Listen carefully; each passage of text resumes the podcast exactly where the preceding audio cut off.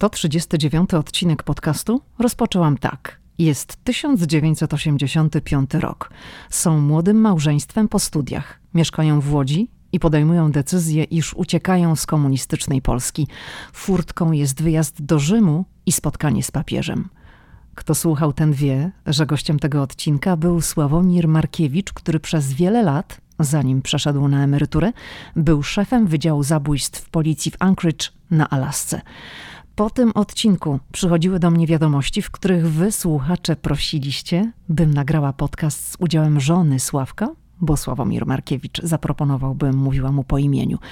Te wiadomości przychodziły dlatego, iż mój gość o swojej żonie Krystynie, z którą rozmowę za chwilę usłyszycie, powiedział między innymi tak. W ogóle, jeżeli mówimy o, o mnie, o jakiejś tam karierze, to jest nic w porównaniu z moją żoną, z której zresztą jestem bardzo, bardzo dumny. Zaczęła od pilnowania dzieci, ale miała studia chemiczne. Nagle z dnia na dzień stała się pracownicą laboratorium w Prudhoe Bay nad Oceanem Arktycznym i do pracy latała odrzutowcem. O, to tylko początek kariery i o tej karierze między innymi sobie porozmawiamy. Będę z wami szczera. Krystyna Markiewicz początkowo powiedziała nie, nie była skora do opowiadania o sobie, ale, i tego ja nauczyłam się w Ameryce, nie poddawaj się od razu i się nie poddałam. Porozmawiałyśmy przez telefon i Krysia, bo dziś jesteśmy już po imieniu, dała się przekonać i mamy wspaniały odcinek. Odcinek z Krystyną Markiewicz, która opowie o ucieczce z komunistycznej Polski z własnej perspektywy i o tym, jak rozwinęła się jej kariera na Alasce, a kariera jest wspaniała, choć Krysia mówi o niej z wielką skromnością. Muszę wam powiedzieć, po przeprowadzeniu wywiadu z obojgiem, z Krystyną i ze Sławomirem, nasuwa mi się taki wniosek i myślę, że też będziecie mieć takie odczucie, Ameryki tu nie odkrywam, ale, ale to powiem, jak ważne jest, żeby w życiu trafić na odpowiedniego partnera. Bo tu macie przykład małżeństwa, które od 41 lat idzie przez życie wspólnie. W tym roku świętowali 41. rocznicę ślubu i się wspiera. Za chwilę posłuchacie rozmowy z Krystyną Markiewicz. Chcę jeszcze powiedzieć, bo zapowiadałam to we wcześniejszych odcinkach. Jest już dostępny nasz audiobook Ameryka i my. W końcu obiecany tutaj, w tym podcaście. Czytamy oczywiście my, mój mąż Paweł Żuchowski i ja.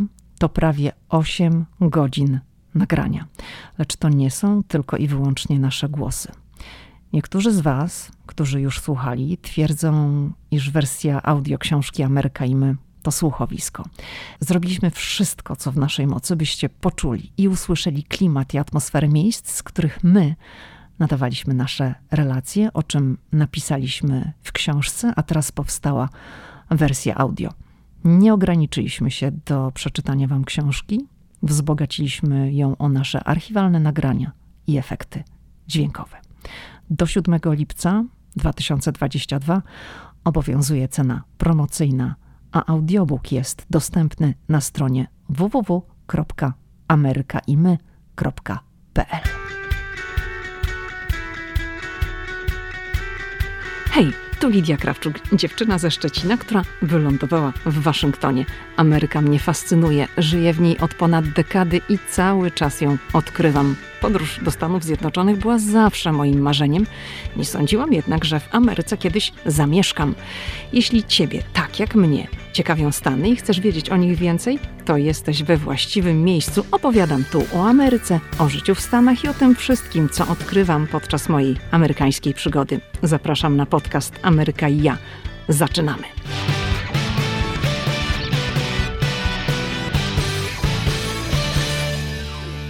Cześć Krysiu. Cześć. Jaka jest teraz pogoda na Alasce i ile teraz w czerwcu trwa godzin dzień, czyli o której mniej więcej zachodzi słońce? No w tej chwili jest to lato, jest bardzo piękna pogoda, wyjątkowo ciepłe lato mamy w tym roku. A wczoraj był, nie dwa dni temu, był najdłuższy dzień na Alasce. Mi się wydaje, że Słońce zachodziło o 11.40 w nocy, ale właściwie nawet jak miało zajść i tak było widno, także prawie cały dzień jest widno. Piękna pogoda.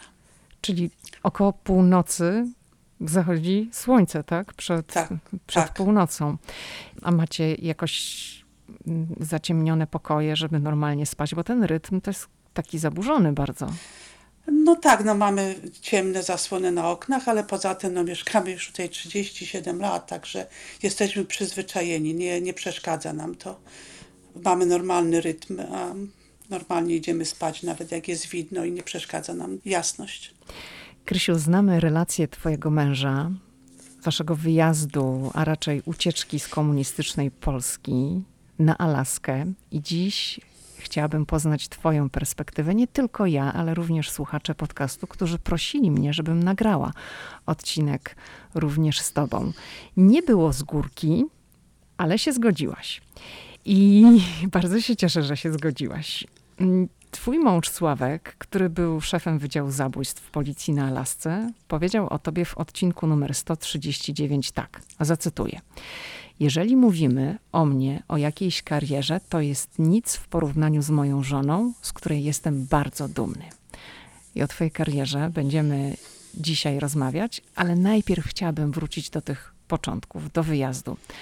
Zatem powiedz, jakie emocje towarzyszyły tobie wtedy, gdy w 1985 roku opuszczaliście z mężem Polskę?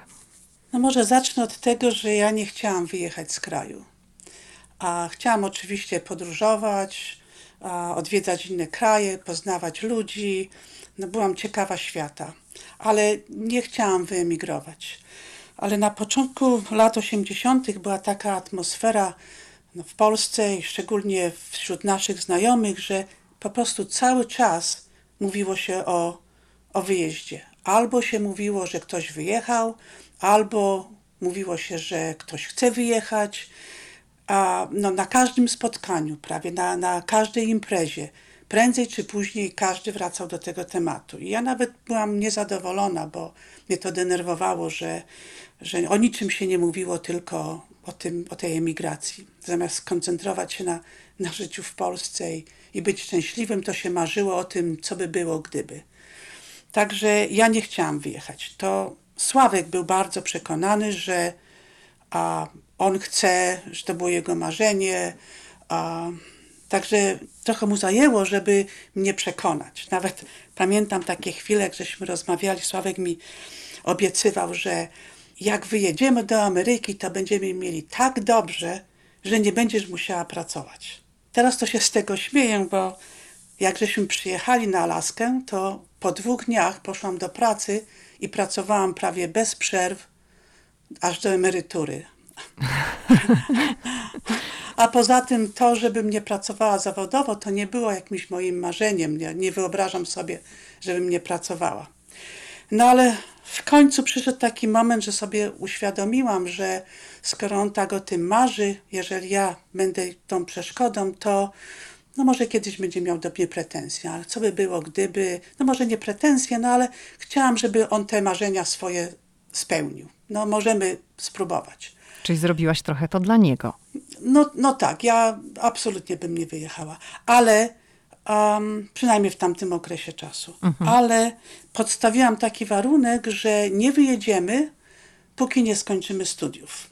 Ja zaczęłam studiować, Sławek też, także powiedziałam, no dobrze, jak skończymy studia, będziemy mieli jakieś- jakieś kwalifikacje, no to możemy spróbować.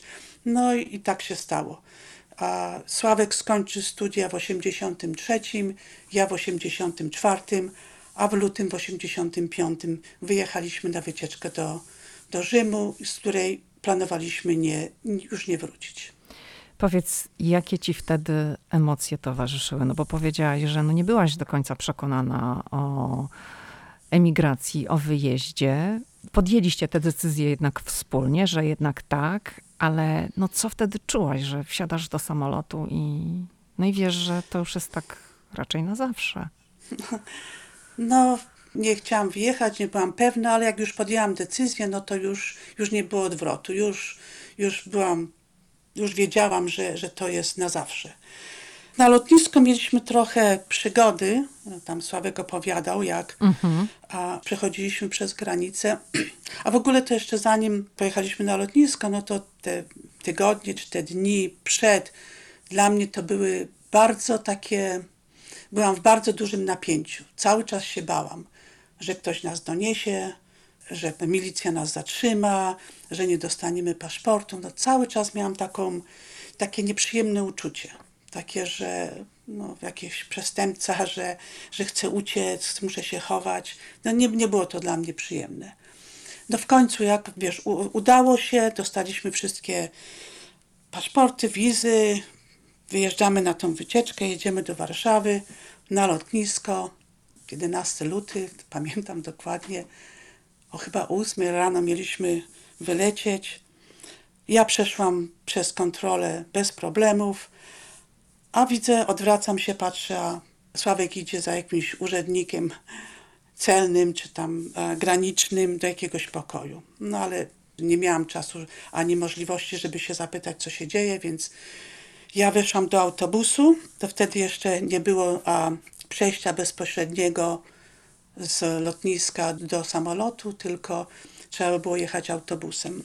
No więc ja z wszystkimi pasażerami wsiadłam do tego autobusu, pojechaliśmy na taflę lotniska, tam usiedliśmy, no i czekamy.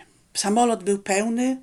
Pamiętam, ja miałam siedzenie przy oknie i cały czas w to okno wypatrywałam. Mówię, co się dzieje? Gdzie ten Sławek? Byłam bardzo zdenerwowana. No już była ósma godzina, mieliśmy odlecieć, a my jeszcze stoimy. No więc, a, tak jak Sławek może wspominał, decyzja o emigracji była podjęta razem. Podjęliśmy taką decyzję, że wyjedziemy razem, że absolutnie nie, się nie rozłączymy. Także ja, ja wstałam z siedzenia, przeprosiłam tam pasażerów, przeszłam i doszłam do stewardess, które stały przy tym głównym pierwszym wejściu, przy schodach. No i zaczęłam tłumaczyć, że ja muszę wysiąść z samolotu. No i w tym momencie, no w połowie tej rozmowy, patrzę, dojeżdża autobus, wysiada Sławek, biegnie, jeszcze zapina koszulę, zakłada kurtkę, no i wchodzi po tych schodach. No to ja przeprosiłam je, poszłam do, do, do swojego siedzenia, no już, już byłam spokojniejsza. Popłakałaś się wtedy? Może jeszcze nie, nie, jeszcze nie płakałam, ale byłam bardzo taka poddenerwowana i mhm. właściwie nie, nie wiedziałam, co o tym myśleć, no ale już byłam szczęśliwa, że on przyszedł. Później no, dowiedziałam się, że ta jego kontrola była bardzo długa i dość dokładna, także na pewno miał, miał też nieprzyjemne przeżycia. Jak wspominasz ten okres we Włoszech, kiedy czekaliście na dokumenty umożliwiające wam wylot do Stanów? Bo z tej rozmowy z twoim mężem wiemy, że Stany były od razu kierunkiem, że nie chcieliście nigdzie indziej, tylko do Ameryki. Czy dalej tam miałaś wątpliwości, czy był stres, czy jadłaś normalnie, czy, czy ciągle miałaś to napięcie? No zanim odpowiem na, na to pytanie, to ja jeszcze może bym chciała opowiedzieć takie dwie sytuacje tego samego dnia, które wydarzyły się już w Rzymie na samym początku, które no, no ja myślę, że, że, mhm. że są cieka ciekawe i pokażą, Jasne. w jakim, w jakim mhm. ja byłam nastroju. No więc a, po przyjeździe do Rzymu, my żeśmy wyjechali na wycieczkę taką a, turystyczną do, do Rzymu, tam było z 30 osób, nie pamiętam dokładnie ile, ale z 30 osób, prze, przewodniczka. No i lądujemy w Rzymie, jesteśmy na lotnisku, odbieramy bagaże. No już wszyscy odebrali bagaże i w dalszym ciągu stoimy. Każdy się rozgląda, co się dzieje. Nie, nie wiedzieliśmy, co się dzieje. Nie było żadnej informacji. Ta przewodniczka nic nie mówiła i każdy stoi z tymi walizkami, się rozgląda i ludzie tam rozmawiają. Ja pamiętam, że też się rozglądam i pod ścianą stoi czterech mężczyzn, ubranych w czarne skórzane płaszcze, długie takie, taka była widocznie moda. Mieli czarne okulary słoneczne, mimo tego, że byliśmy w środku budynku, a nie na zewnątrz. I wyglądali jak, dla mnie bardzo podejrzanie, wyglądali jak służba bezpieczeństwa. A teraz, teraz o tym to, pomyślałam, że jest jakiś teraz służb. Się, mhm. Tak, teraz to się śmiejemy z tego, no nie, ale ja byłam tak zdenerwowana, cały czas się tylko na nich patrzyłam, na ich ruchy, nie, gdzie idą, czy idą w naszą stronę. Sławek mnie uspokajał, mówi, co przesadzasz, mówi, nic tu się już nie stanie. A ja byłam bardzo zdenerwowana.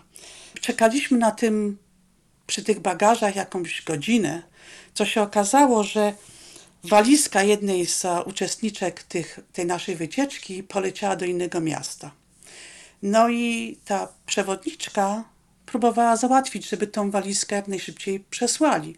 No ale nie było informacji, nikt nic nie wiedział i to tak troszeczkę było nerwowo. Jeszcze ci, tych czterech mężczyzn w tych czarnych okularach. Później, jak się okazało, no to byli uczestnicy naszej wycieczki, no i tak samo planowali zostać i spotkaliśmy się potem w obozie uchodźców, także taka śmieszna sytuacja. Ale taka byłam zdenerwowana, że ciśnienie to miałam chyba bardzo wysokie.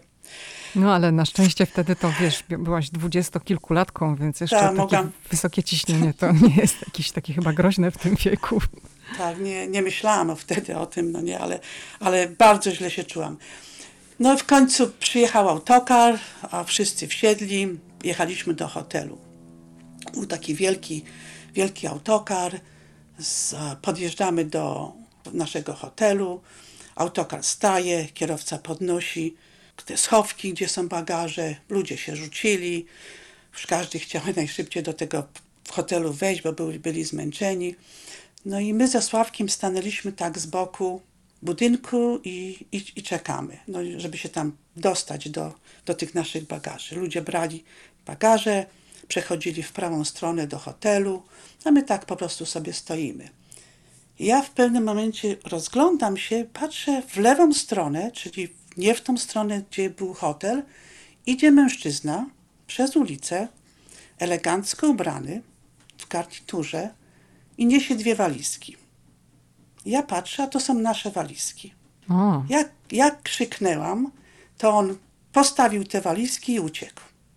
No i my oczywiście wzięliśmy te walizki, ale byłam tak, tak wystraszona, że jak już weszliśmy do tego pokoju z tymi naszymi walizkami, to Stalek mówi, chodź, idziemy przejść się po, po Rzymie, zobaczymy, bo mieliśmy wolne popołudnie.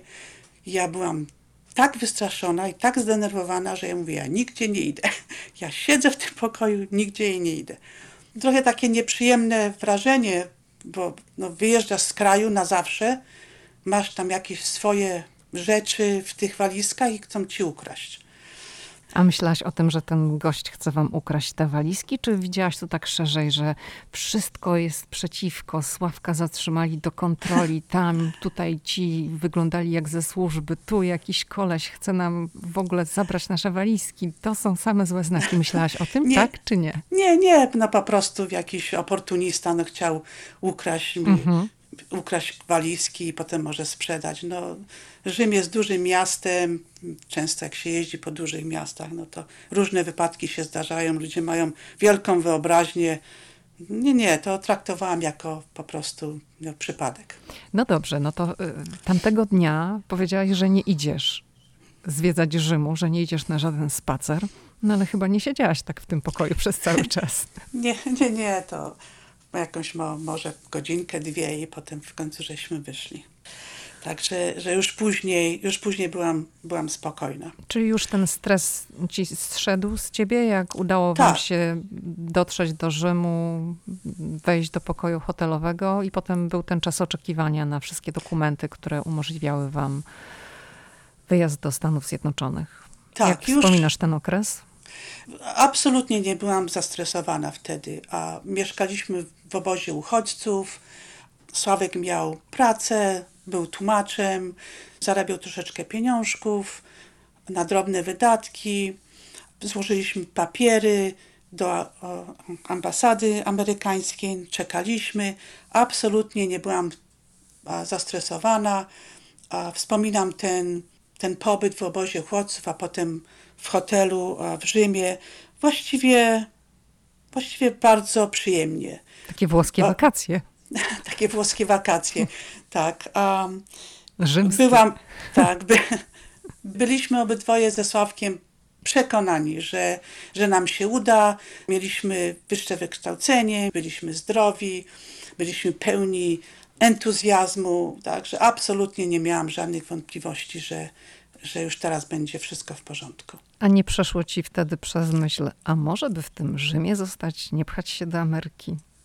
No nie można było wtedy zostać we Włoszech. Aha. A Włosz, Włochy były takim krajem przejściowym, przyjmowali emigrantów, a zapewniali mieszkanie no, w tym obozie, później w hotelu, pomagali z papierami, właśnie nie, oni nie pomagali, inne organizacje, ale dawali nam jeść, a, a, a nie było takiej możliwości. Trzeba było się zgłosić do jakiejś ambasady i wtedy w tamtych w tamtym czasie ludzie wyjeżdżali, składali papiery do ambasady amerykańskiej, do kanadyjskiej, do Australii. Także że właściwie nie, nie można było zostać w Rzymie. To powiedz, Krysiu, jakie było Twoje zderzenie z Alaską? Wiemy, że na początku bardzo pomogli Wam przyjaciele z Polski, że mieliście gdzie mieszkać i szybko przyszła pierwsza praca. Ty zaczęłaś pracować szybciej niż Sławek. Ty opiekowałaś się na początku dziećmi. I za chwilę o tym porozmawiamy, ale chciałabym, byś powiedziała, jak odebrałaś Alaskę, kiedy postawiłaś tam, wiesz, swoje nogi na niej. Hmm. Zanim jeszcze po, po Alasce, to jeszcze chciałam taką historyjkę powiedzieć. No więc my z Rzymu przylecieliśmy do Nowego Jorku. W Nowym Jorku spędziliśmy jedną noc w hotelu. To wszystko było załatwione przez tę organizację. I no bo Alaska jest bardzo daleko od, od Rzymu, także no nie było takiej możliwości, żeby tak długo lecieć, więc zatrzymaliśmy się w Nowym Jorku w hotelu i dopiero z Nowego Jorku przelecieliśmy do Seattle, ze Seattle do Anchorage. Ale w tym Nowym Jorku pamiętam, że no po obiedzie byliśmy bardzo zmęczeni, już był wieczór, Sławek położył się spać, usnął bez problemu, a ja taka byłam zaciekawiona wszystkim. Pamiętam, włączyłam telewizor w tym pokoju hotelowym. I tu 100 kanałów. No, no to chciałam właśnie powiedzieć, że się w ogóle nie wyspałam, bo ja tym, jak to się nazywa, pilotem. Pilotem. Mhm. Pilotem zmieniałam wszystkie kanały i się dziwiłam, jak to jest możliwe, że w telewizji jest tyle kanałów. Bo w Polsce były wtedy dwa, tak? Tak, wtedy Pierwszy były dwa. Mhm. Tak, i pamiętam, takie śmiechy, jakiś był program, no, nie było tego w Polsce, na przykład program i w tym momencie się cała widownia śmieje. Mhm. Takie to było. Nie wiem dlaczego, ale to, to, pamiętam, że całą noc siedziałam na, na podłodze, no bo tam tylko było łóżko, na podłodze i tym pilotem zmieniałam kanały. Także byłam bardzo zmęczona. Ale już ci się wtedy Ameryka spodobała, te 100 kanałów. No, nie, nie, nie pamiętam, jakie miałam wrażenie. Byłam zdziwiona, jak to można mieć tyle kanałów. Przecież to nie można tego oglądać. No, także jak żeśmy w końcu przyjechali na tę Alaskę, no to był koniec maja, odebrali nas przyjaciele. Pamiętam, jadę, a to tak widno, pięknie. Wszystko mi się podobało. Wszystko. Obojętnie co mówili przez to, żeśmy przyjeżdżali, czy przez jakąś biedniejszą dzielnicę, czy bogatszą. Wszystko mi się podobało. Od samego początku właściwie byłam zakochana w Alasce i do tej pory mi to zostało. Czyli widziałaś już plusy podjętej decyzji, nie miałaś już wtedy wątpliwości, że zrobiliście dobrze? Absolutnie, tak. Mhm. żadnych wątpliwości. No wiemy z relacji Sławka, że szybko kupiliście samochód, że szybko przyszła ta pierwsza praca, twoja pierwsza praca, polegająca na opiece nad dziećmi. To powiedz o tej swojej pierwszej pracy, jak pamiętasz tamten okres. No więc we Włoszech byliśmy około trzech miesięcy, no i właściwie nie pracowaliśmy. No Sławek pracował jako tam tłumacz, ja później tam w hotelu troszeczkę zarabiałam jako kelnerka, ale to, to nie była taka praca, to było, to było takie przejściowe dla mnie. A przyjechaliśmy na, na Alaskę, no pomagają nam przyjaciele, no ale trzeba iść do pracy, zacząć normalnie żyć. Także byliśmy bardzo zdeterminowani, żeby znaleźć tę pracę jak najszybciej. No i akurat Następnego dnia po przyjeździe kupiliśmy gazetę, przeglądaliśmy e, ogłoszenia. Było takie ogłoszenie, że potrzebowali opiekunki do, do dzieci. No, mówimy, dlaczego nie spróbujemy. A może jeszcze wspomnę, że no ja mimo tego, że miałam studia, miałam angielski na studiach, czytałam, znałam gramatykę, to nie czułam się tak swobodnie w mówieniu po angielsku. Mhm. Bardzo się denerwowałam, wstydziłam się akcentu, nie miałam może takiego słownictwa dobrego. Także Sławek mi pomagał na początku, on, on zadzwonił pod ten numer w, w ogłoszeniu, pojechaliśmy razem. W większości on mówił, ja teraz pamiętam, że takie śmieszne to było. A, no ale przyjęli mnie do tej pracy i właściwie pracowałam tam dwa lata. Opiekowałam się, się trójką dzieci. To były takie dzieci od 18 miesięcy do 3 latek. I Czyli to były dzieci, z którymi nie bardzo było jak ćwiczyć angielski. No, z nimi to nie, nie za bardzo, ale, ale po szkole, o ta rodzina, to była w ogóle rodzina dziadków, mieszkali w dużym, dużym takim domu na pierwszym piętrze i oni mieli trójkę wnuków, którymi oni się opiekowali i ja pracowałam dla nich. A na dole w tym domu mieszkała ich córka, która miała następną trójkę dzieci. Także ja opiekowałam się tą trójką tych najmniejszych dzieci, co jeszcze do szkoły nie chodziły, a ta trójka, która już chodziła do szkoły, przychodziła do domu po, po szkole, no i no też, też ja ich pilnowałam. Także te małe dzieci to nie sprawiały takiego dużego kłopotu, no, bo ja się z nimi zajmowałam, czytałam im książeczki, robiłam im jedzenie, zmieniałam pieluchy, no ale jak przyszły te, te starsze, no to już takie troszeczkę, troszeczkę inaczej było. To już sobie żartowały, czasami się bardzo uśmiali z tego, co ja powiedziałam, bo może przekręciłam słowo, także no na początku było wesoło. Ale, no, i to jeszcze powtórzę, bo to później tak śmiesznie wyszło, że ja przez te pierwsze dwa lata postanowiłam, no, że nie zacznę szukać pracy w swoim zawodzie, póki nie, nie będę się swobodnie czuła, mówiąc po angielsku. Także ja bardzo dużo się uczyłam. Wtedy po pracy to właściwie codziennie to był tylko angielski, ale podłapałam kilka takich zwrotów, które używają tylko dzieci. Takie potoczne, no, które później w pracy zawodowej kilka razy użyłam, no i tam trochę było śmiechów. Aha. Ale to. A możesz może... powiedzieć, jakie to były zwroty? Na co chodziło? No nie, nie wiem. Nie wiem, czy to taka. No na przykład, a, to już wiele, wiele, wiele lat później, jako pracowałam jako inspektor pracy, robiłam inspekcję na, na lotnisku. Kontrolę tam na lotnisku, było jakieś zażalenie od pracowników. I a, ktoś skarżyli się, że jakiś w jakimś tam biurze bardzo nieładnie coś pachnie. Jakiś pewnie ktoś wylał chemikalia i oni się zatrują. No więc a, mój przełożony wysłał mnie tam, robiłam inspekcję oficjalną, no, kontrolę, a próbowałam robić jakieś pomiary, tam rozmawiałam z pracownikami, no, ale nie było tam żadnych śladów, żeby, żeby jakiś ktoś chemikalia wylał w tym, w tym biurze. Dla mnie to doszłam do takiego wniosku, że prawdopodobnie jeden z tych psów na lotnisku, no, policjanci, którzy mają, no jest kilka psów, które szukają narkotyków czy, czy ładunków samozapalnych, prawdopodobnie się rozchorował. Mhm. I no zwrócił, tak? Mhm. No taki był nieprzyjemny zapach.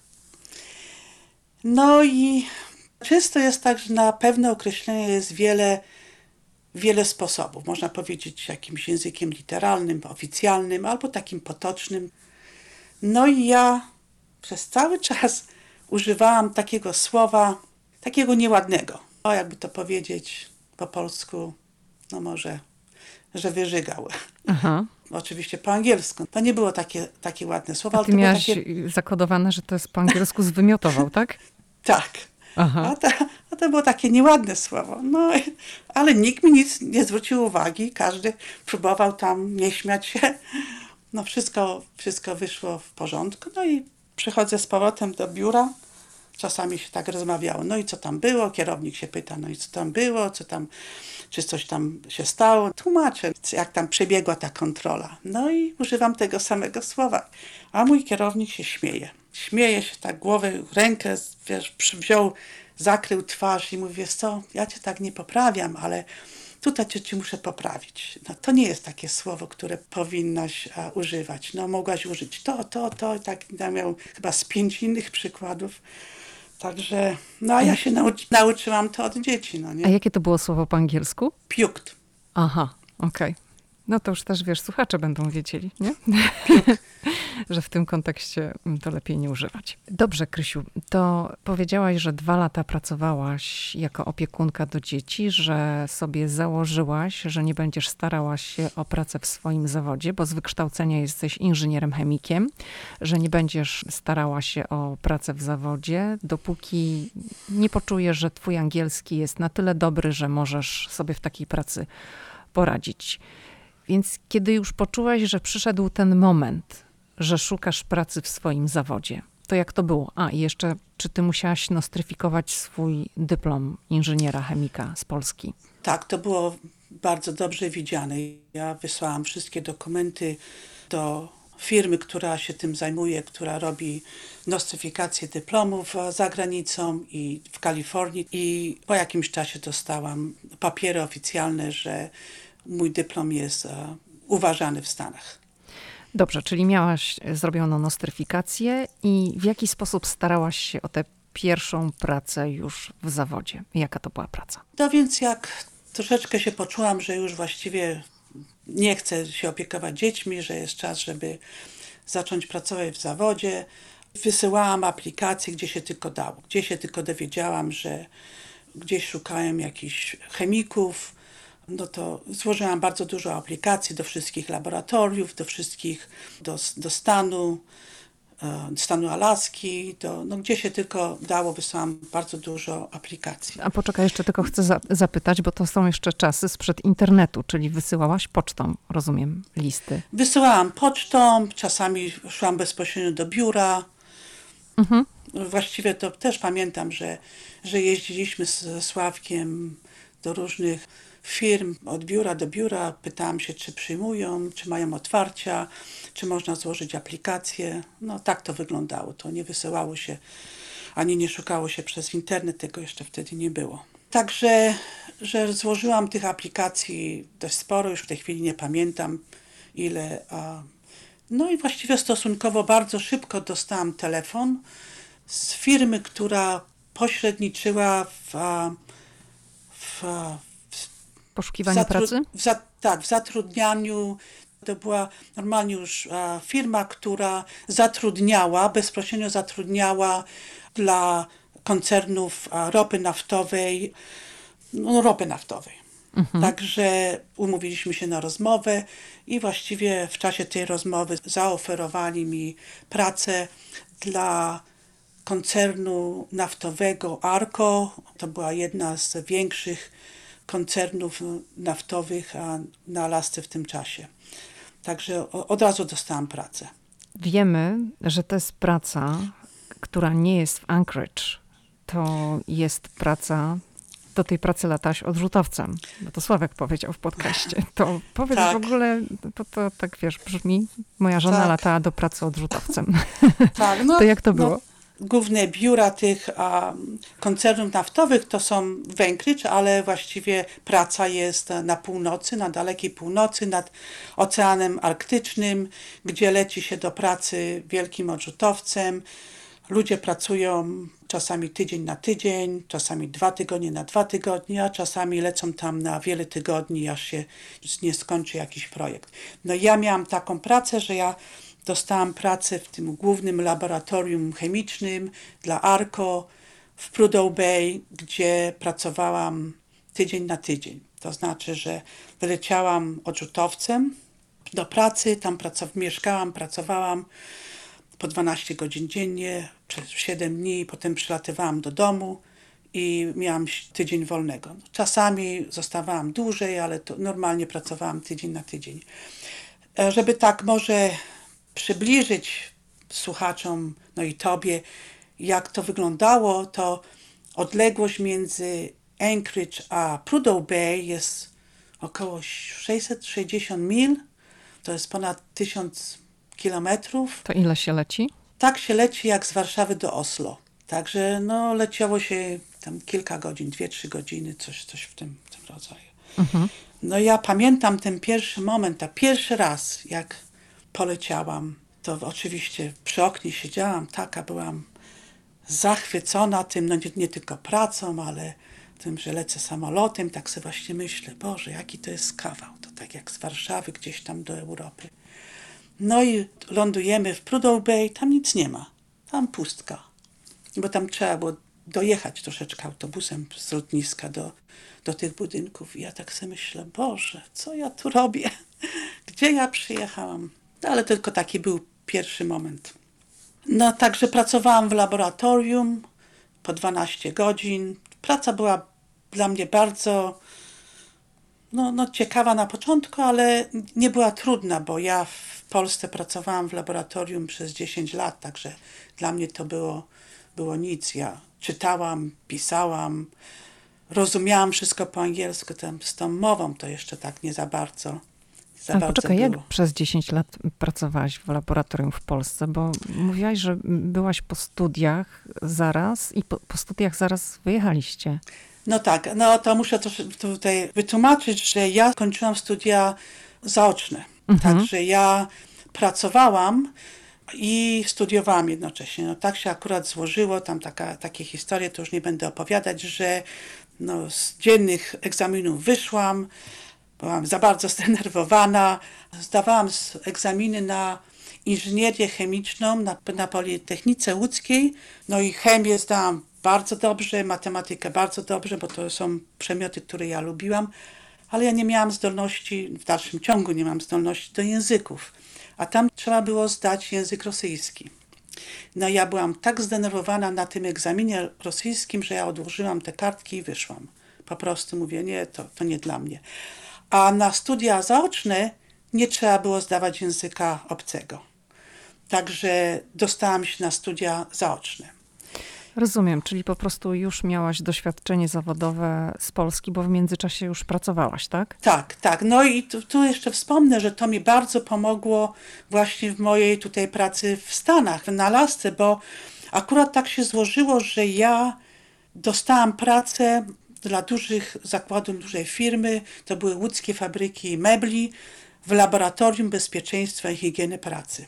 Tam pracowałam prawie 10 lat, także ja miałam doświadczenie przez tyle lat, przede wszystkim w laboratorium i w tym zawodzie, który później wykonywałam tutaj.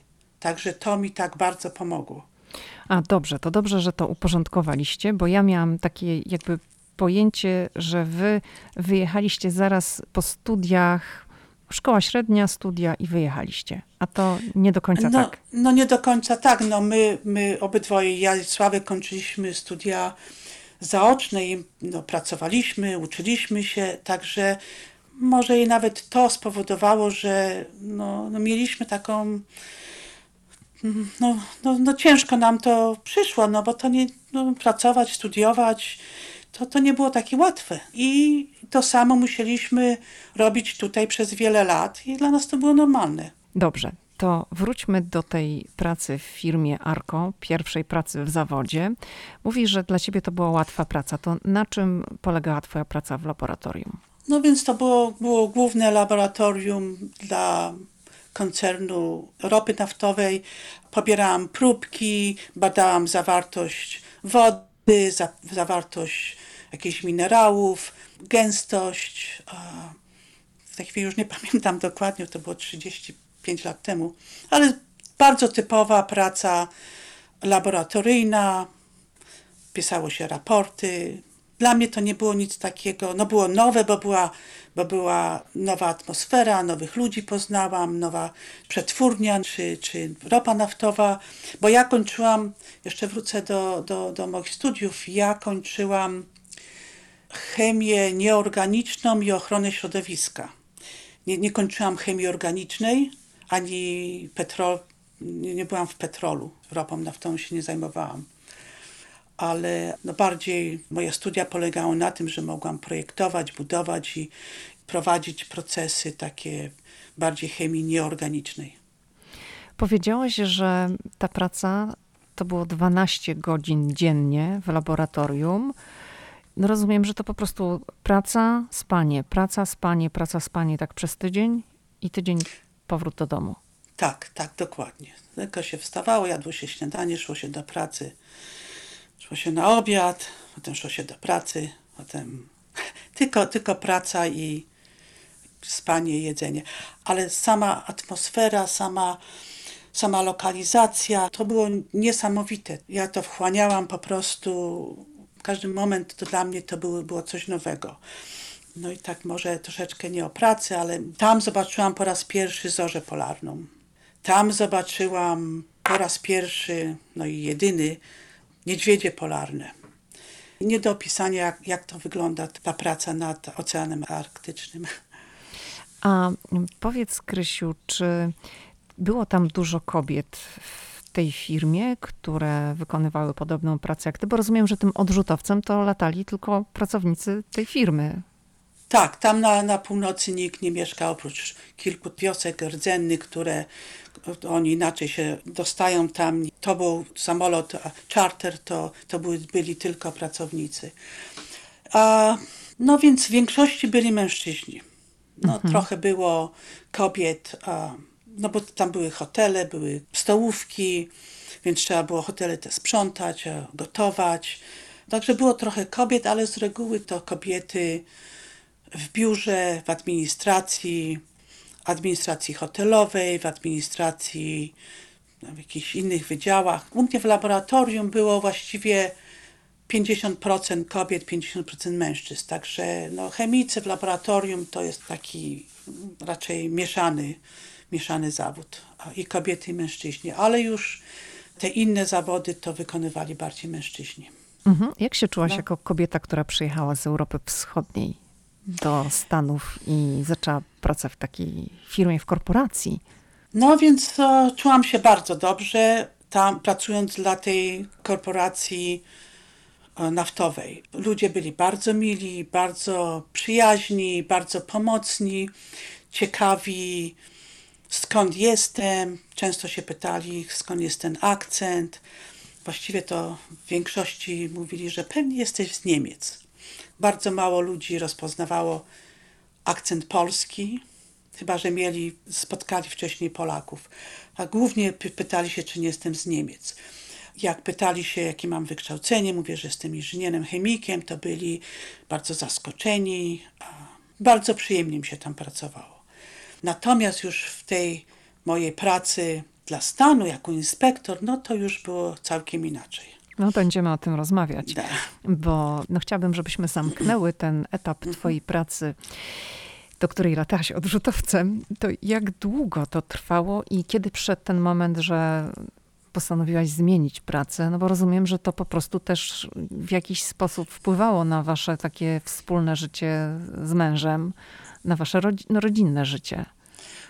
No tak, no to, to nie było łatwe, szczególnie dla, dla kobiet. Myśmy chcieli założyć rodzinę, a ja chciałam być więcej w domu. Nie chciałam tak latać tydzień na tydzień. To właściwie tydzień jestem poza domem i nic, tylko praca. A ja chciałam coś innego. Chciałam innej pracy, i, i inne mieliśmy marzenia. Także zdecydowałam się, że około roku tam pracowałam. Zdecydowałam się, że się zwolnię i poszukam pracy no, w Anchorage, że nie muszę latać. No już miałaś doświadczenie zawodowe na amerykańskim rynku pracy, tak? To już inaczej. Już mhm. było, było łatwiej. No muszę ci powiedzieć, że właściwie nie miałam problemu później znaleźć pracy. Jak wiesz, po, po kilku dniach ja tylko się zwolniłam, to od razu dostałam, ktoś zadzwonił wiesz, z innej korporacji naftowej, tym razem już, no bo wydobywa się ropę naftową na północy i potem ona rurociągiem jest przysyłana do Valdis, to jest port na południu, gdzie tą ropę naftową ładuje się w tankowce i wysyła się do rafinerii. I zadzwonili stamtąd, z innej korporacji, że potrzebują kogoś do laboratorium. Ja poszłam na rozmowę, Przyjęli mnie od razu. Pojechałam do Waldis. No do Waldis to był przelot już samolotem 45 minut, to już było bliżej.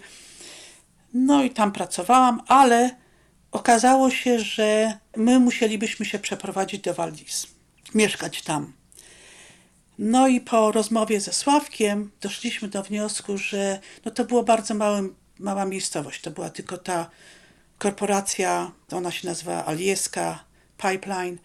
Tam było może z 250 ludzi mieszka. No, gdzie tam Sławek znajdzie jakąś dobrą pracę? A on akurat brał klasy na Uniwersytecie Wękrycz. No i popracowałam tam chyba dwa tygodnie i mówię, nie, dziękuję, ja, ja chcę pracę Wękrycz. A to wtedy do tej pracy, do tej drugiej pracy też latałaś codziennie samolotem? 40 minut? Nie, nie, tam poleciałam tylko jeden raz. Tam pracownicy muszą mieszkać. Nie ma takich hoteli robotniczych jak na północy. Normalnie ludzie mieszkają w domach, idą do pracy, po pracy idą do domu. Mnie wynajęli dom, dali mi samochód, aż do czasu, kiedy nie, nie kupimy jakiegoś tam, tam domu. Do czasu, aż kiedy nie przyjedzie mąż, no i tam kupimy dom. Także nie było to to. Nie chciałam tam, tam mieszkać. Za mała miejscowość. Dobrze to mamy pierwszą pracę, do której latasz odrzutowcem. Druga praca okazuje się, że no też musisz się przeprowadzić i nie chcesz się przeprowadzić. Czy to już jest ten moment, kiedy postanawiasz, że będziesz inspektorem bezpieczeństwa pracy, czy jeszcze coś było po drodze? Jeszcze pracowałam w takim prywatnym małym laboratorium w Anchorage chemicznym, ale jeszcze może wrócę, że Zapomniałam o tym powiedzieć, że jak składałam te wszystkie aplikacje do różnych miejsc, to między innymi złożyłam aplikację do, do stanu, do, do stanu, gdzie szukali inspektorów bezpieczeństwa i higieny pracy. I to było to, co ja robiłam w Polsce. I złożyłam tę aplikację i ja na taką, taką rozmowę byłam w międzyczasie poproszona i ja przeszłam tą rozmowę. Ale nie zaoferowali mi pracy od razu, także to był taki czas, że może w, tygo- w czasie tygodnia, jak zwolniłam się tam na północy, że ja miałam chyba trzy różne rozmowy do różnych miejsc.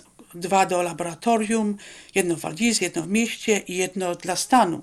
I w tych laboratoriach zaoferowali pracę od razu, a dla stanu jako inspektor nic mi nie odpowiadali. I później się dowiedziałam, jak już sama przyjmowałam pracowników do pracy, że proces dostania się do pracy państwowej jest całkiem inny i trwa czasami tygodniami, a nawet miesiącami. Także oni już podjęli decyzję, że mi zaoferują tą pracę, ale ja oczywiście nie wiedziałam.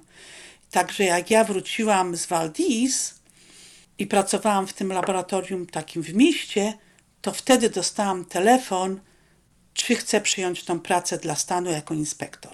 Wtedy podjęłam decyzję, że no pójdę pracować, przyjmę tą pracę i, i postaram się już tam zostać dłużej. Jak pamiętasz, ja ci powiedziałam, że ja skończyłam inżynierię, ja byłam inżynierem, mhm. a to, że byłam inspektorem bezpieczeństwa i higieny pracy, mimo tego, że chemia była bardzo potrzebna, to ja nigdy w tym takim zawodzie swoim wyuczonym po studiach nie pracowałam, bo zaraz wyjechaliśmy.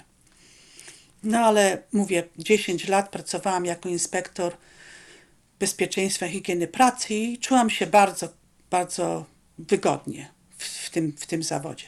I już to była do końca Twojego zawodowego życia, Twoja kariera zawodowa, bo zaczynałaś jako inspektor bezpieczeństwa pracy, a potem zostałaś szefową inspekcji pracy na całą Alaskę. Tak, no tam pracowałam 31 lat, aż trudno uwierzyć.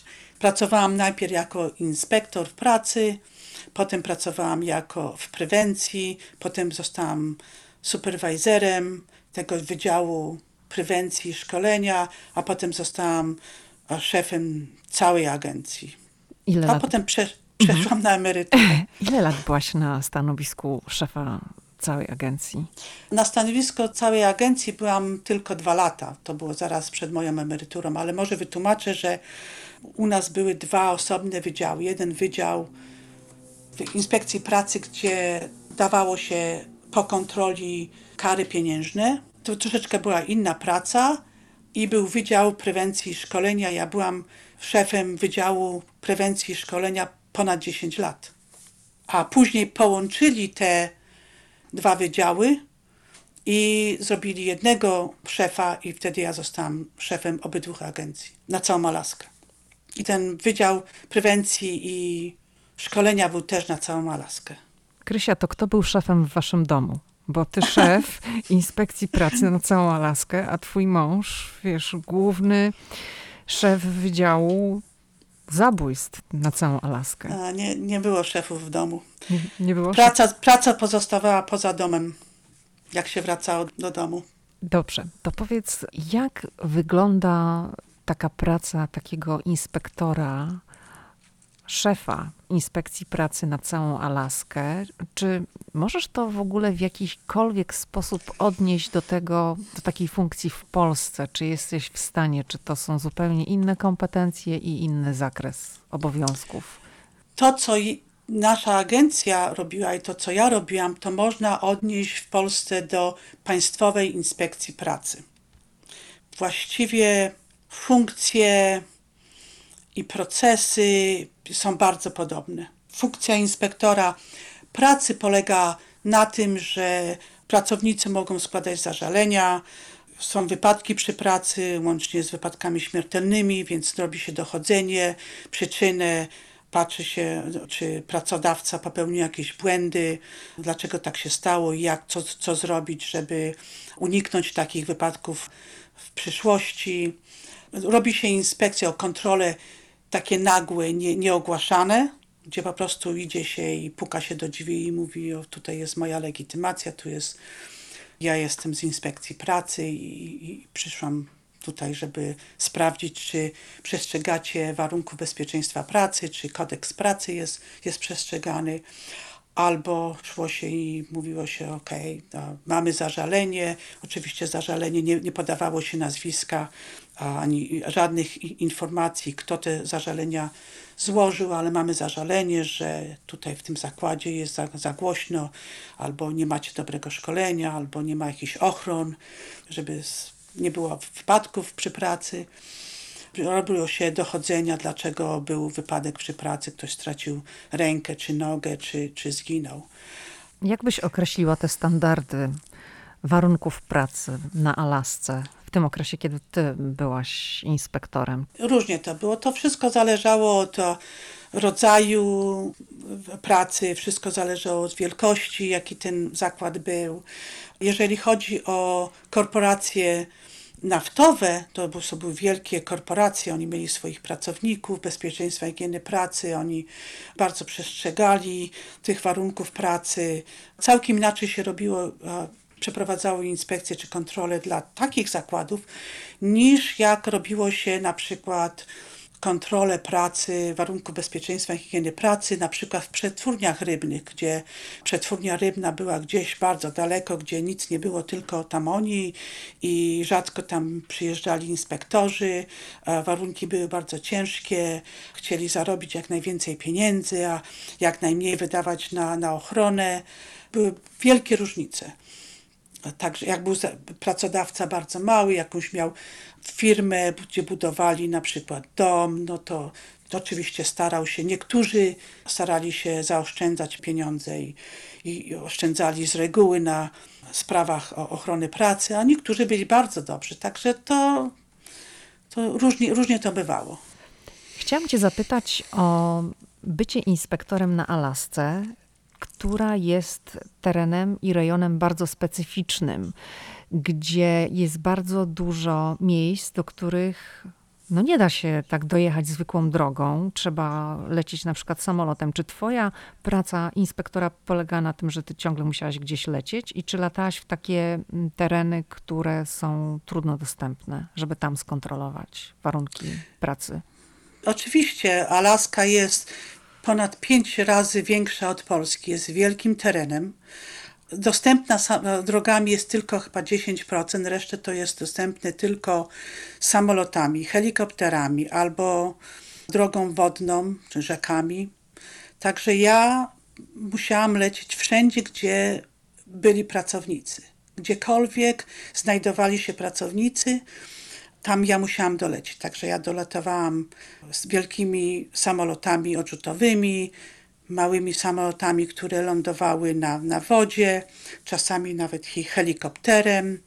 Pamiętam, że nawet chyba z dwa razy musieli przewieźć mnie Hovercraft, Także była to bardzo ciekawa praca ze względu właśnie na to i bardzo trudna ze względu na to, jak trzeba było się dostać do tych miejsc. Czasami to były bardzo odległe miejsca. Tutaj może wspomnę, że a, byłam bardzo daleko na północy, byłam bardzo daleko na, na zachodzie, nawet raz poleciałam na wyspę Ada, która jest bardzo oddalona od, od Anchorage.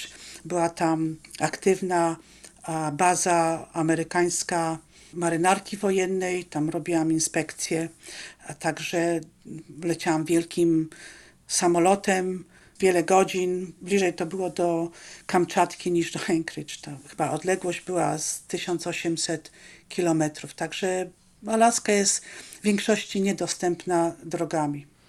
A czy była jakaś taka no, wielka katastrofa, która wydarzyła się na Alasce w tym czasie, kiedy ty byłaś inspektorem i którą pamiętasz? Było kilka takich. A ta pierwsza to była, nie wiem czy y, pamiętasz, była w Valdis, a tankowiec wjechał na skały podwodne i a, zaczęła wyciekać ropa naftowa. Który to był rok mniej więcej? To był 1989. To było po kilka, kilka miesięcy później, jak ja zaczęłam pracować. Także to było wielkie wydarzenie. To, to ja tego nie bo, pamiętam. Mhm. A także to wylało się chyba 11 milionów galonów ropy naftowej do Prince William Sound. To było marzec. To była największa katastrofa spowodowana przez człowieka w historii Stanów, aż do czasu, kiedy nie było następnego wycieku ropy. W Zatoce Meksykańskiej? Tak, w mhm. 2010. No, oprócz tego były, było kilka trzęsień ziemi, które zniszczyło trochę budynków. Był wybuch wulkanu, który pokrył Anchorage pyłem, który zawierał krzemionkę, która była też bardzo niebezpieczna. Także no, było kilka takich, takich sytuacji. A jak jest wybuch wulkanu i tak jak mówisz, że pył pokrywa miasta, to co wtedy inspektorzy robią? No, w przypadku to była ta katastrofa naturalna, to w przypadku takim a, inspekcja pracy zawiesza wszelkie działania, które powodują nakładanie kar, tylko przekształca się w 100% w prewencyjną i szkoleniową agencję i po prostu pomaga pracownikom, pracodawcom, pracownikom, żeby ich powiadomić, szkolić, o, o na przykład szkodliwości takiego pyłu. Pamiętam, rozdawaliśmy za darmo każdemu, kto chciał, maseczki takie, żeby nie wdychali tego pyłu. Robiliśmy szkolenia, tłumaczyliśmy, jak mają chronić twarze, oczy, ręce. Także bardzo byliśmy aktywni w takich, w takich wypadkach. Krysiu, czy ktoś ci kiedyś zrobił jakiś żart w pracy, jakiś psikus w Ameryce? O, no było ich kilka, ale taki jeden, co zawsze opowiadam a swoim znajomym i się zawsze śmieją z tego, to była taka sytuacja, że ktoś przesłał w paczce szklany słoik, który zawierał rtęć z Anchorage do Juno, do tam specjalnego takiego wydziału.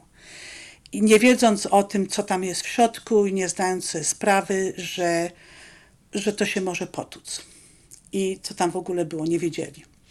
A to była rtęć, która, może to wyjaśnię, słoik był litrowy i tam chyba w tej rtęci, no dokładnie nie wiemy, bo to się wylało, ale przynajmniej z pół litra rtęci tam było, także to były wielkie ilości. Więc rtęć używa się czasami do wydobywania złota. I jak może wiesz, na lasce jest złoto. Nie używa się tej rtęci przemysłowej wydobywania, przemysłowego wydobywania złota, ale często w małych, małych takich prywatnych miejscach, gdzie ludzie sobie może, może chcą wydobyć złoto, mają jakąś działkę. Do tej pory to zresztą robią. Więc polega to na tym, że rtęć miesza się z tym minerałem, który zawiera złoto, tworzy się związek, taki fizyczny aglomerat i później rtęć łączy się z, ze złotem i później odparowuje się rtęć, zostaje czyste złoto. Także na tym to polegało, że dlatego było tak dużo tej rtęci w, w tym słoiku. Co się okazało? Po przesłaniu tej paczki do budynku stanowego w Juneau, tam gdzie Juneau jest stolicą Alaski, ktoś zauważył kuleczki rtęci na korytarzu, w pokoju, gdzie przyjmowali pocztę. Potem się okazało, że w samochodzie były te kuleczki. No i to było bardzo niebezpieczne dla pracowników. W związku z tym zamknęli ten budynek. To był dość duży budynek, to chyba ten budynek miał z 11 pięter, tam może z 2000 ludzi pracowało.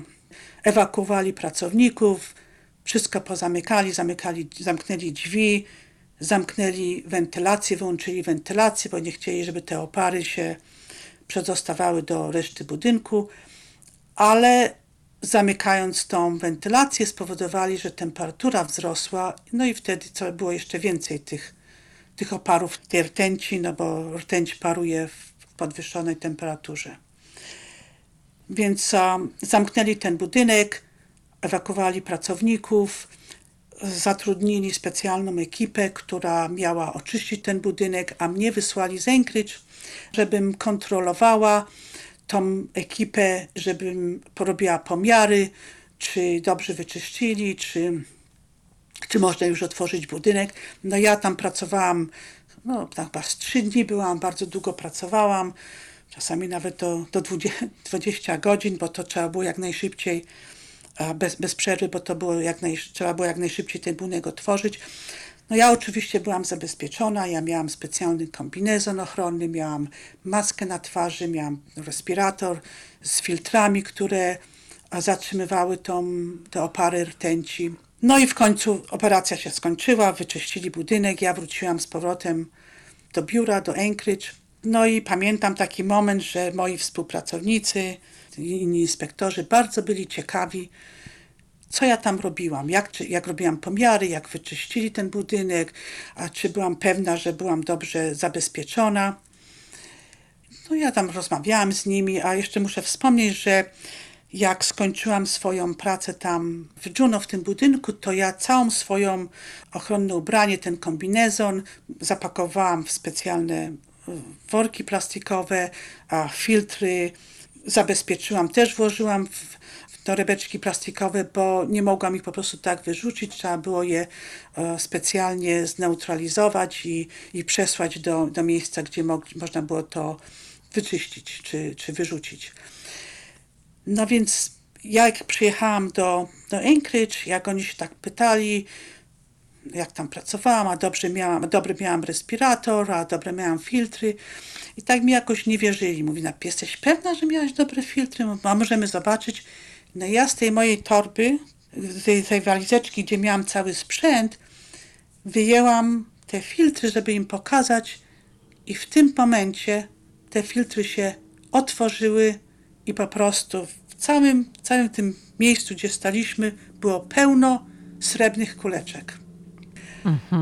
A nie, nie wiem, czy, czy w Polsce tak jest, ale tutaj u nas w Stanach są różne tak, takie dekoracje do dekorowania ciast, tortów, ciasteczek i też są takie kuleczki, srebrne kuleczki, które wyglądają tak samo jak kuleczki rtęci, jak, jak się rtęć wyleje. Nieraz może w Polsce, może jak ktoś pamięta, jak się potłukł termometr, to takie kuleczki się rozsypały zawsze na, na podłodze. Jak ja to zobaczyłam, to ja się tak wystraszyłam, niesamowicie, że, że teraz trzeba będzie ewakuować nasz budynek, że ja tak nieprofesjonalnie to zrobiłam, że taka to była tam właściwie katastrofa, bo to pisali, pisali w gazetach, w telewizji, cały, cały czas o tym mówili i teraz to, to samo będzie w Anchorage. No ale moi współpracownicy nie wytrzymali, zaczęli się pokładać ze śmiechu, bo co się okazało, że oni wzięli czysty czyste te filtry, nowe, oczywiście nie te brudne, otworzyli, nasypali tych kuleczek, tych, co się dekoruje ciasto i tak lekko tylko zamknęli, że żebym jak wezmę do ręki, żeby to się wysypało. No i taki mieli ubaw, że to wspominali przez wiele, wiele lat. Takie żarty Także były to... na porządku dziennym u was? No, cza, czasami, się, czasami się zdarzyło. No, czasami były takie żarty. Trzeba było sobie jakoś rozróżnić się tą pracę, sobie rozróżnić. A czy to było zwykłe czy niezwykłe, że na takim stanowisku, wysokim stanowisku rządowym była kobieta imigrantka, w tym przypadku z Polski? Trudno mi powiedzieć, czy to jest takie typowe, czy nietypowe, zwykłe, niezwykłe, bo ja przypuszczam, że w Stanach było bardzo dużo imigrantów z różnych krajów, włącznie z Polską, którzy byli bardzo dobrze wykształceni, mieli bardzo dobre, dobrą praktykę i na pewno stanowiska wysokie zajmowali.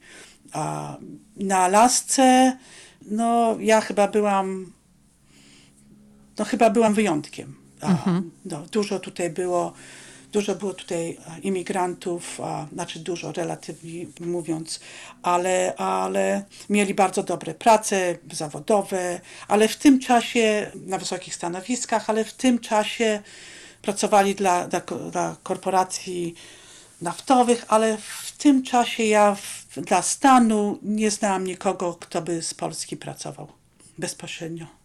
To wy ze tak. Sławkiem to byliście taką Polish Power Couple. Prawda? Oboje na no, takich na... eksponowanych stanowiskach, wiesz, w służbie publicznej. No, w służbie publicznej to bym powiedziała, że, że, że tak. No tak. Nie, nie, nie power, to ja bym nie powiedziała power, ale jako imigranci byli lekarze, byli nauczyciele, nawet na uczelni, pracowali dla rządu federalnego. No, no róż, różne prace wykonywali. Może w takich pracach gdzie się nadawało kary albo takie, które miało jakąś, no tak jak policja czy, czy, czy inspekcja pracy, no to może byliśmy jedyni na lasce. A jak się zapatrywałaś, no bo mówię w czasie przeszłym, bo oboje jesteście z mężem na emeryturze, ale jak się zapatrywałaś w tamtym czasie na karierę swojego męża, który przecież początkowo był pomocnikiem kelnera, potem był kelnerem, a ostatecznie został szefem Wydziału Zabójstw na Alasce. Przede wszystkim byłam byłam i jestem bardzo dumna ze Sławka, z tego, jak wykonywał swoją pracę, jak długo, jaka to była niebezpieczna praca. Nie tylko narażał swoje życie, ale ile i psychicznie, i wiesz, pod stresem cały czas, i wiele godzin, mało spania czasami. No, no jestem pełna podziwu, że wykonywał tą pracę tak długo i tak dobrze. Także ja jestem bardzo dumna z tego. A na początku, kiedy pracował jeszcze w patrolu, to, to bardzo się bałam. No codziennie, jak wychodził do pracy, to zawsze musiałam mu go przytulić i pocałować, bo nigdy nie wiadomo było, co się może stać. Pracował tak 7 lat. Um, bardzo się bałam, ale to była jego decyzja, że taką pracę wykonywał. Ja musiałam mu w tym pomóc psychicznie i obserwować, czy nie ma jakichś problemów, więc świetnie sobie z tym radził, gorzej ze mną było. No a później, jak już został detektywem, czy szefem najpierw jednego wydziału, potem drugiego, no to już nie było takiego codziennego strachu o jego życie i zdrowie. No, ciężko pracował i, i, i, byłam bardzo dumna z tego. I to, że muszę powiedzieć, że to, że on powiedział, że ja miałam karierę, to, to tak troszeczkę mnie no może nie zaskoczyło, że on tak powiedział, bo często sobie mówiliśmy, że jesteśmy dumni z tego, że tak ciężko pracujemy, ale um, to właściwie dzięki niemu ja, ja mogłam starać się o pracę superwizera, szefa, dzięki temu, że, że on tak ciężko pracował i, i że on zajmował się dziećmi, czy zajmował się domem, jak ja wyjeżdżałam, bo ja wyjeżdżałam bardzo często. Ja, ja wyjeżdżałam czasami na tydzień, jak robiłam inspekcję, czasami na dwa tygodnie, także on mimo tego, że miał taką ciężką pracę, to jeszcze musiał się zajmować dziećmi i domem. Także ja jestem pełna podziwu jego, jak on ciężko pracował, a to co ja to.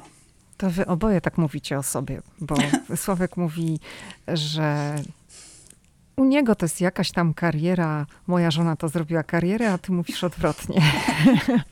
A powiedz, no tak. czy oboje sobie mm, w tym samym momencie oboje podjęliście decyzję o przejściu na emeryturę? To była taka też wspólna, bo wy tak razem, nie? Uciekamy z Polski no. razem, tu szukamy pracy razem i na emeryturkę też razem. No, akurat się tak złożyło, że ja pracowałam chyba pięć miesięcy dłużej, ale i dlatego właśnie pamiętasz, co mówiłam, że na początku, że Sławek jak próbował mnie przekonać, że pojedziemy do Ameryki, to tak dobrze będę miała, że nie będę musiała pracować, to później się cały czas śmiałam, że pierwsza poszłam do pracy i dłużej pracowałam. I gdzie są te twoje obietnice? Zawsze żeśmy się z tego śmiali. No właśnie. Ale był taki moment, że mówiłaś, kurczę Sławek, co ty wymyśliłeś? Mogliśmy teraz w Polsce siedzieć, a nie na tej Alasce. Nie, nie, nigdy nie było takiego, takiego momentu.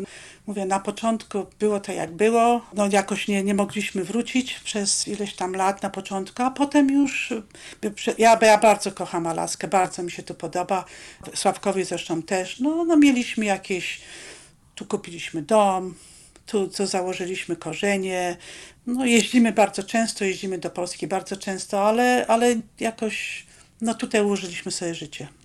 Kiedy rozmawiałam ze Sławkiem, to powiedział, że ty lubisz, powiem tak, użyję takiego sformułowania wprost, grzebać w ziemi. Że lubisz ogródek, lubisz kwiatki. Czy to jest taki twój czas, taki sposób spędzania wolnego czasu, jak jesteś na no emeryturze? No, je, jednym z nich, jednym z nich. Mamy ogródek, próbuję tutaj coś wyhodować, ale Lato jest bardzo krótkie, oczywiście tutaj, a latem jesteśmy zajęci, jeździmy na, na, na ryby, łowimy, często mamy gości, no ale y, relaksuję się w ten sposób, że, że pracuję w ogródku.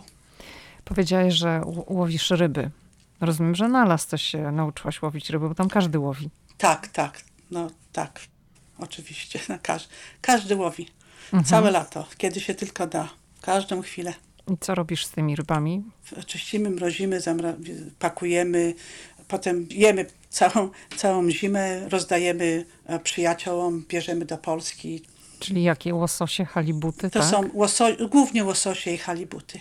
Sławek prosi, no, znaczy prosi, powiedział, żebym powiedziała o swoim halibucie, bo to było w, Sil w Silver. Pojechaliśmy kiedyś takim małym stateczkiem z grupą właśnie, właściwie z pracy na, na halibuty i Sławek był tak chory, że on siedział w kabinie i tylko głowę miał na stole, nic nie widział. Albo myśmy tam daleko wypłynęli, a reszta łowiła ryby. No i ja wyłowiłam halibuta, który miał 176, ponad 176 funtów. To jak ty go wyciągnąłeś? Chyba ktoś ci musiał pomagać. No, trochę Pięć mi osób, pomagali.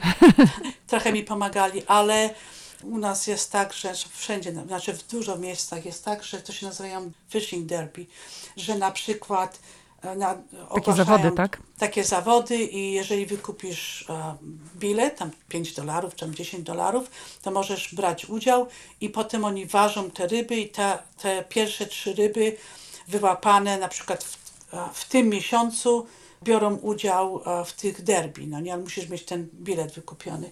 I ja, no mówię, a co wykupię? Nie pamiętam, 5 dolarów, 10 dolarów.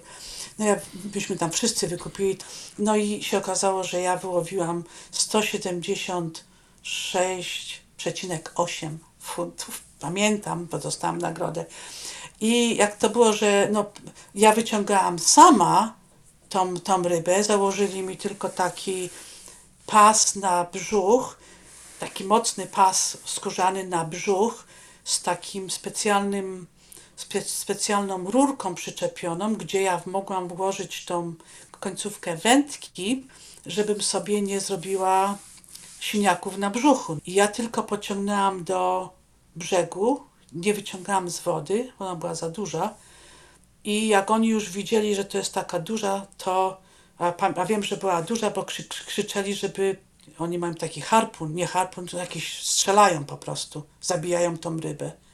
Oni strzelają ją w głowę, żeby ona się nie rzucała, potem harpunem wyciągają, także ja trzymałam tą wędkę, a oni strzelili do tej ryby, wyciągnęli harpunem, bo inaczej to ta ryba by mogła zrobić jakieś krzywdę ludziom na tą łodzie, łódź. No i oni od razu wiedzieli, że to jest duża ryba, bo inne to od razu filetowali. No i jak przyjechaliśmy do portu, no to a, zaczęli ważyć w takie specjalne miejsce.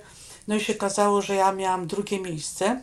To bym wygrała 5 tysięcy dolarów, bo pierwsze było chyba 10 tysięcy, drugie było 5. I w ostatniej chwili jeszcze za nami przypłynęła jeszcze ostatnia łódka, bo to był chyba ostatni dzień miesiąca. Już zamykali ten derby. Przyjechała jeszcze jedna łódka i ta osoba miała większą rybę niż ja, także ja miałam trzecie miejsce. Także dostałam 2,5 tysiąca dolarów. To ładnie taką, też. Taką nagrodę, no oczywiście zdjęcia, także no to dla, dla Alaskańczyka to taka, to już można opowiadać. Krysiu, czy jak tak patrzysz na to, co wszystko się wydarzyło od 1985 roku, kiedy wsiedliście do tego samolotu. Czy to życie potoczyło się tak, jak sobie wymarzyliście? No, pracowałaś więcej niż było założone, bo mąż ci obiecał, że nie będziesz pracowała, musiałaś pracować, ale to takie żarty są oczywiście. Ale powiedz, czy to wszystko wyszło tak, jak sobie wymarzyliście, założyliście, że tak ma wyglądać wasz American Dream? Ja nie wiem, czy, czy, czy my wiedzieliśmy, jak ten, mówią, American Dream wygląda. Przed wyjazdem nie zakładaliśmy sobie żadnych jakichś celów, czy nie mieliśmy jakichś parametrów, że tak zrobimy, czy inaczej. Ja, ja, nawet nie wyobrażałam sobie, jak, jak to będzie, także no, trudno mi powiedzieć. No, wiedziałam, że, że chcemy podróżować po świecie. No i to nam się udało, udaje i mam nadzieję, że, że zdrowie nam będzie dopisywało, że będziemy w dalszym ciągu tak robić. No, jeździmy bardzo dużo, jest to nasza, jedna z nas, naszych pasji. Krysiu, to zatem życzę Ci na emeryturze, na której jesteś, kolejnych wielkich, wspaniałych podróży. Krystyna Markiewicz była gościem podcastu Ameryka i ja bardzo dziękuję Ci za rozmowę. No, dziękuję bardzo. Było mi bardzo przyjemnie. Niesamowita opowieść. Naprawdę. Tym z Was, którzy jakimś cudem, nie wiem jakim, ale jakimś, nie słuchali odcinka ze Sławomirem Markiewiczem, a mogą to być, jak przypuszczam, nowe osoby, bo stali słuchacze ten odcinek znają, przypominam, iż odcinek z udziałem męża Krysi to odcinek numer 139. I na sam koniec przypominam, do 7 lipca 2022 trwa promocja na audiobooka Ameryka i my, którego nagraliśmy wspólnie z mężem, z moim mężem, z Pawłem Żuchowskim. Audiobook jest dostępny na stronie www.amerykaimy.pl. To wszystko na dziś. Do kolejnego wtorku. Do usłyszenia.